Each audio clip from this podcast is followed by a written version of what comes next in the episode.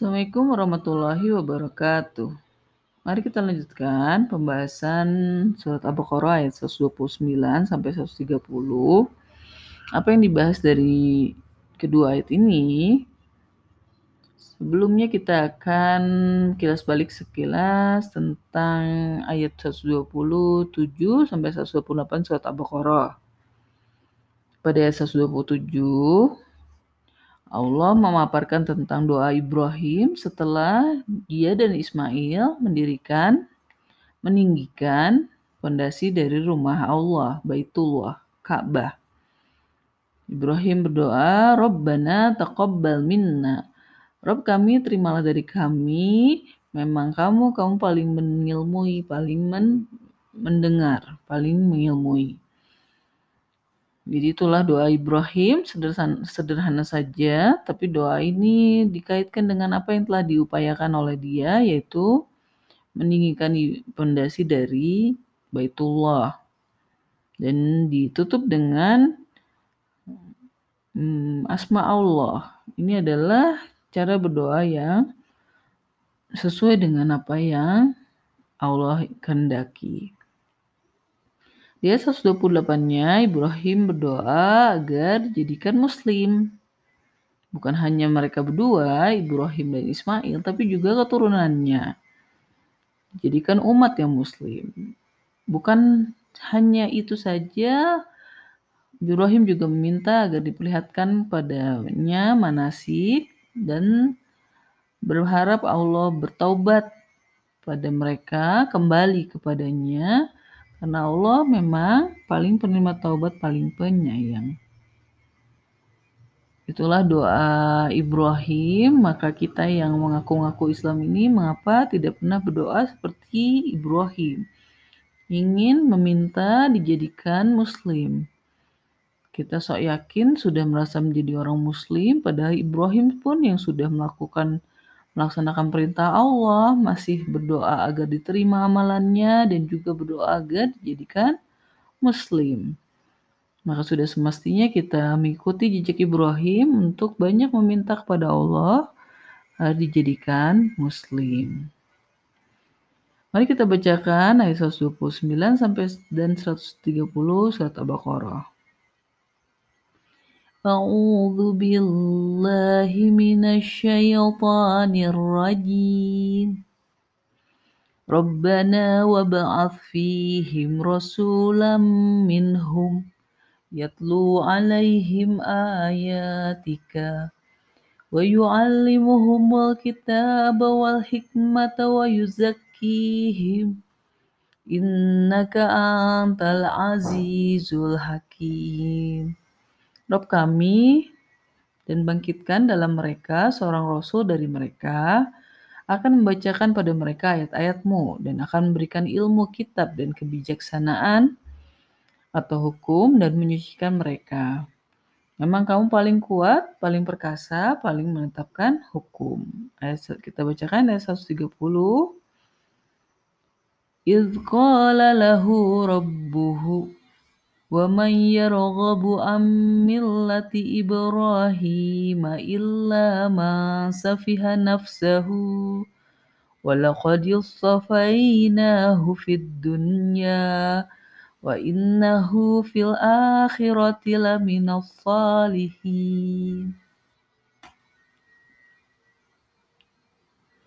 Dan siapa akan membenci dari milah Ibrahim kecuali dari orang yang membodohi diri mereka sendiri.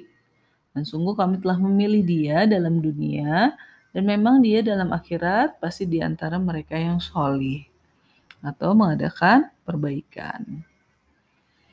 Inilah yang dibahas di kedua ayat selanjutnya 129 sampai 30 surat Al-Baqarah berkaitan dengan masih permintaan Ibrahim agar membangkitkan dalam keturunannya seorang rasul yang akan membacakan kepada mereka ayat-ayatnya Allah, memberikan ilmu kitab dan hukum, dan menyucikan mereka.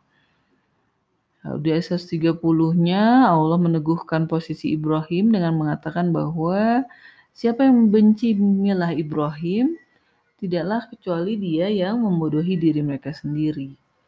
Karena Allah telah memilih dia, Ibrahim, dalam dunia dan dalam akhirat dia termasuk orang-orang yang solih. Banyak hal yang menarik, terutama di ayat 129 surat Al-Baqarah, yang kita akan bahas karena banyak kata-kata yang telah muncul sebelumnya.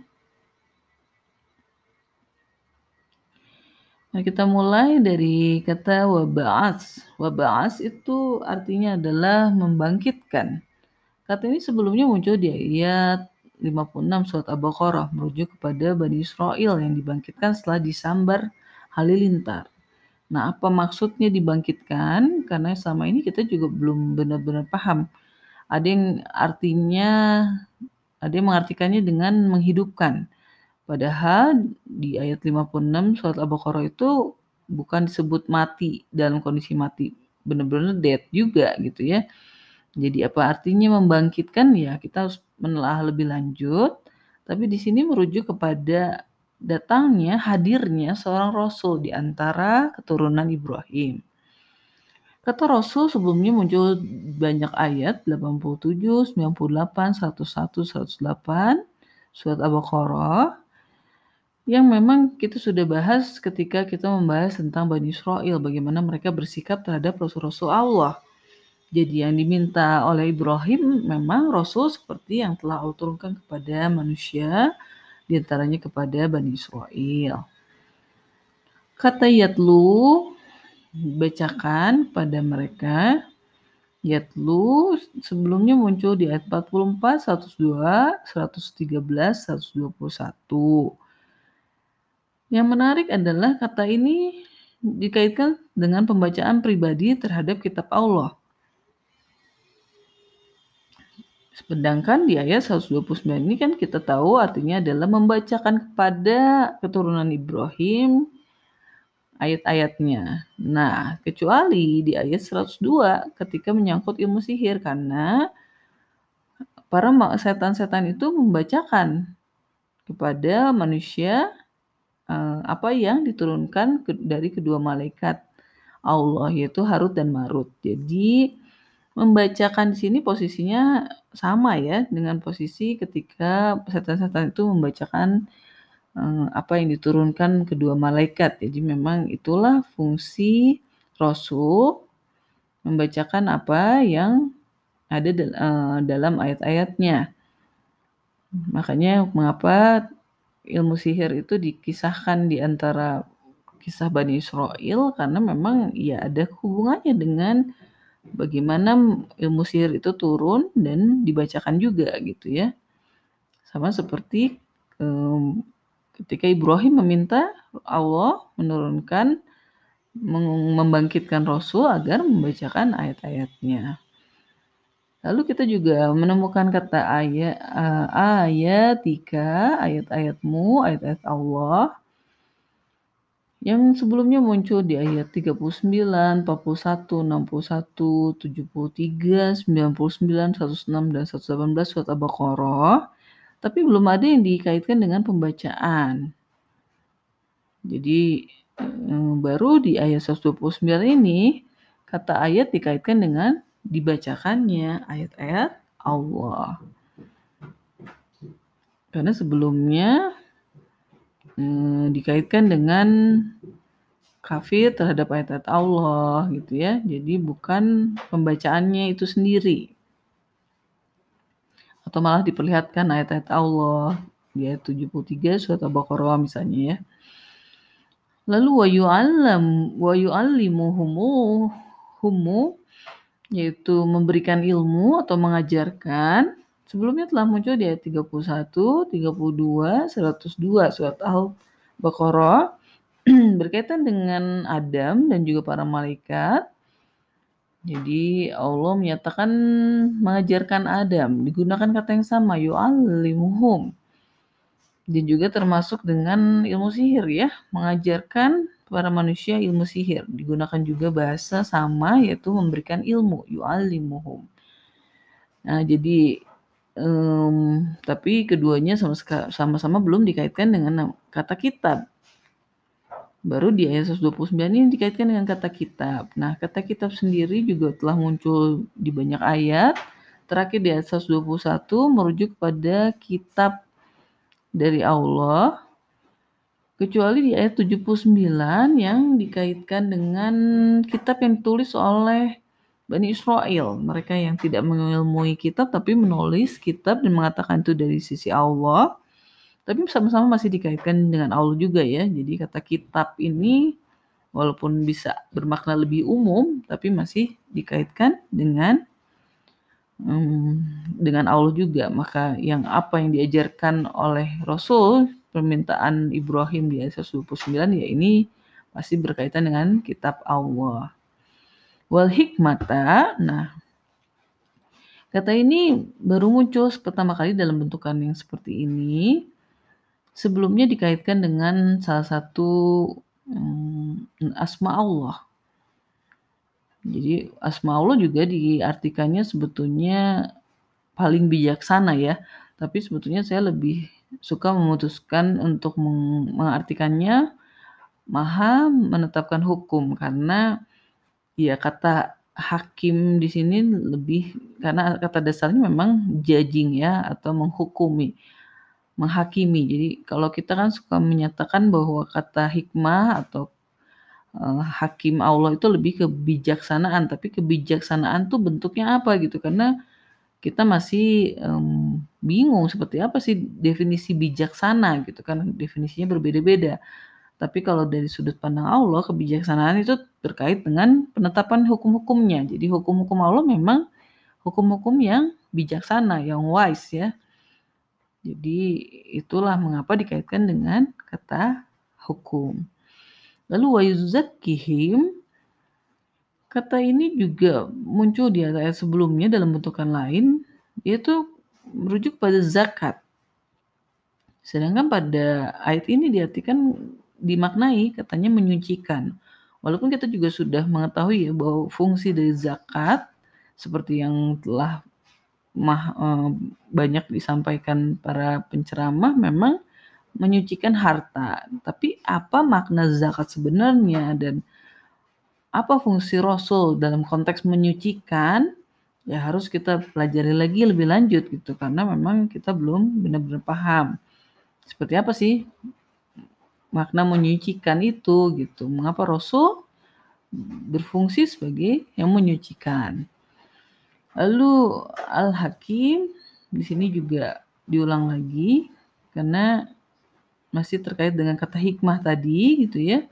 Bahwa Al-Hakim di sini diartikannya memang Allah yang paling bijaksana.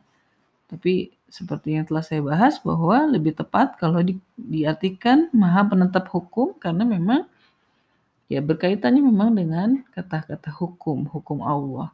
Walaupun ya kita bisa menyimpulkan bahwa hukum-hukum Allah itu pasti hukum yang penuh dengan kebijaksanaan. Jadi itulah makna kebijaksanaan yaitu ketika kita menerapkan hukum-hukum Allah karena hukum-hukum Allah itulah sumber kebijaksanaan itu sendiri. Kita lanjutkan sebelum kita melanjutkan ke ayat 130, jadi ayat 129 ini membahas tentang permintaan Ibrahim agar Allah membangkitkan dalam umatnya, dalam keturunannya, uh, Rasul di antara mereka yang membacakan kepada mereka ayat-ayat Allah, mengajarkan kepada mereka ilmu kitab dan hikmah, dan menyucikan mereka. Itu yang diminta Allah kepada minta Ibrahim kepada Allah. Dan kita sudah sama-sama tahu bahwa Allah memang sudah menurunkan rasul-rasulnya. Apakah rasul permintaan rasul-rasul yang turun itu karena Ibrahim meminta kepada Allah? Ya, kita harus memaknainya dalam konteks bahwa ternyata Ibrahim memahami kehendak Allah ya. Jadi Ibrahim memang sangat sesuai dengan uh, Allah karena memang sangat memahami Allah itu sendiri sehingga dia meminta sesuatu hal yang memang senada sesuai dengan keinginan Allah itu sendiri. Lalu di ayat 130-nya kita menemukan kata milah. Kata milah sebelumnya terdapat di ayat 120 surat Al-Baqarah merujuk kepada Yahudi dan Nasrani yang tidak ridho sampai orang-orang beriman mengikuti milah ibro, eh, iblah, milah mereka. Nah, di ayat 120 ini seakan Allah ingin menunjukkan bahwa kalaupun ada milah, maka itu adalah hanya ada merujuk kepada milah Ibrahim. Apa artinya milah? Ya, milah kan sebetulnya diartikan agama ya.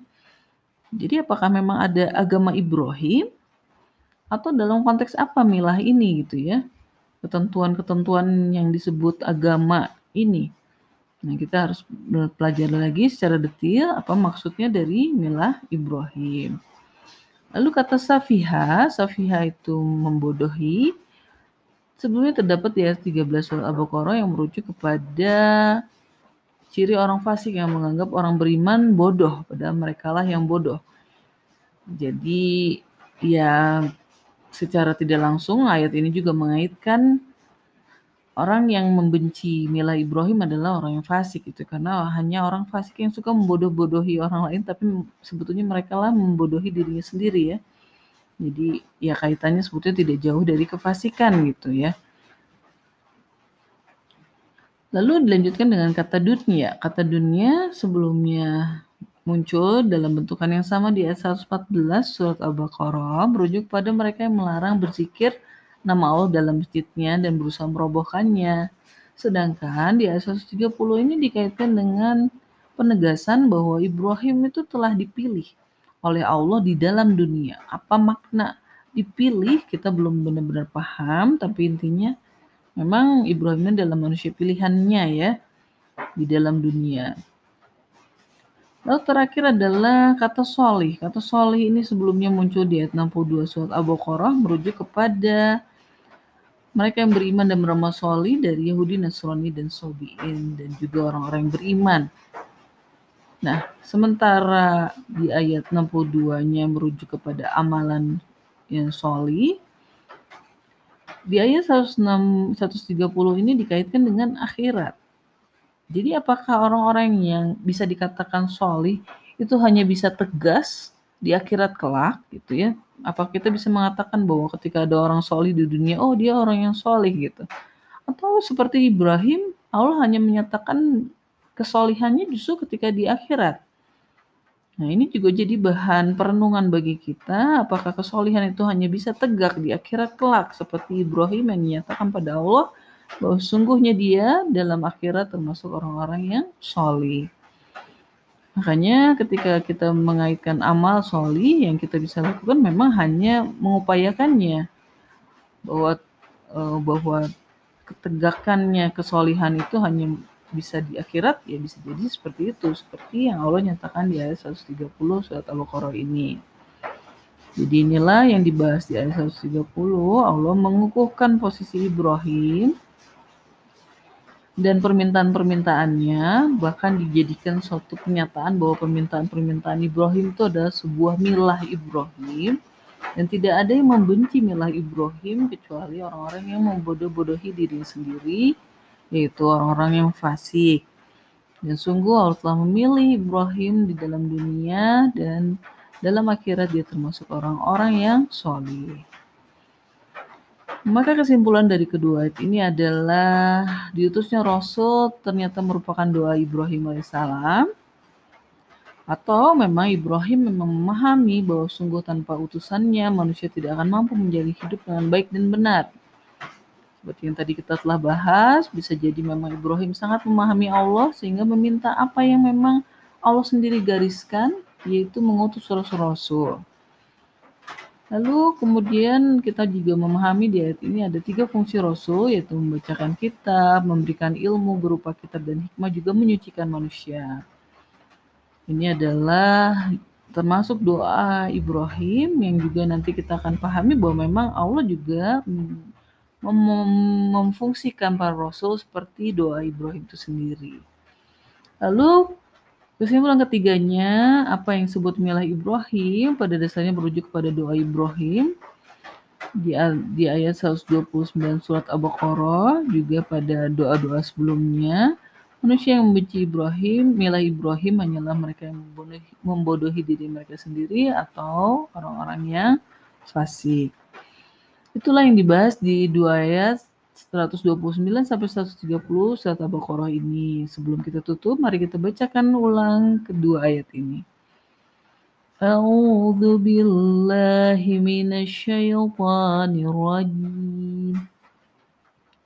Rabbana wab'ats fihim rasulam minhum yatlu 'alaihim ayatika.